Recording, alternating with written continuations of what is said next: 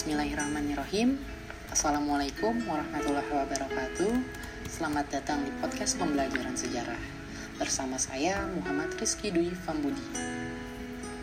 Pertama-tama saya ucapkan syukur Alhamdulillah atas nikmat yang sudah dianugerahkannya Yang diberikan kepada kita semua. Pada podcast kali ini Saya akan membahas topik mengenai dampak Perang Dunia Pertama dan Perang Dunia Kedua terhadap hubungan internasional terkhusus pada pendirian organisasi Liga Bangsa-Bangsa dan Perserikatan Bangsa-Bangsa. Dampak Perang Dunia Pertama, dalam hubungan internasional ialah dengan dibentuknya sebuah organisasi internasional pertama bernama Liga Bangsa-Bangsa Dampaknya tersebut ialah Liga Bangsa-Bangsa berhasil mensponsori perjanjian damai. Namun, seiring dengan berjalannya waktu, Liga Bangsa-Bangsa dinilai tidak mampu menciptakan perdamaian dunia seutuhnya. Hal ini dibuktikan dengan meletusnya Perang Dunia Kedua pada tahun 1939 sampai 19 45.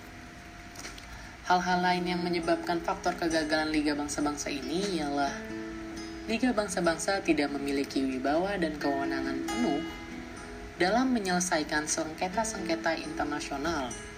Kemudian, ketidaktegasan Liga Bangsa-Bangsa dengan tidak memberikan sanksi pada negara yang melanggar keputusannya. Hal tersebutlah yang menjadikan Liga Bangsa-Bangsa resmi dibubarkan pasca Perang Dunia Kedua berakhir. Atas dasar hal tersebut, pada tanggal 24 Oktober 1945, dibentuklah sebuah organisasi baru yang menggantikan Liga Bangsa-Bangsa bernama Perserikatan Bangsa-Bangsa atau yang disingkatnya PBB dan dalam bahasa Inggrisnya ialah bernama United Nations didirikan di San Francisco, Amerika Serikat. Dampak pendirian organisasi PBB ini ialah yang pertama ada menjaga perdamaian dan keamanan dunia.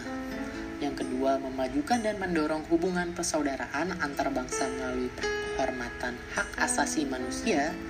Yang ketiga, membina kerjasama internasional dalam pembangunan bidang ekonomi, sosial, budaya, dan lingkungan. Yang keempat, menjadi pusat penyelarasan segala tindakan bersama terhadap negara yang membahayakan perdamaian dunia.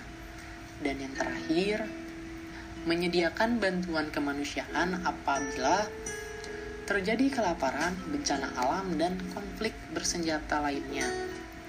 Saya kira pemaparan pematerian sejarah ini dicukupkan apabila terjadi kesalahan mohon dimaafkan. Wabillahi taufiq wal hidayah. Wassalamualaikum warahmatullahi wabarakatuh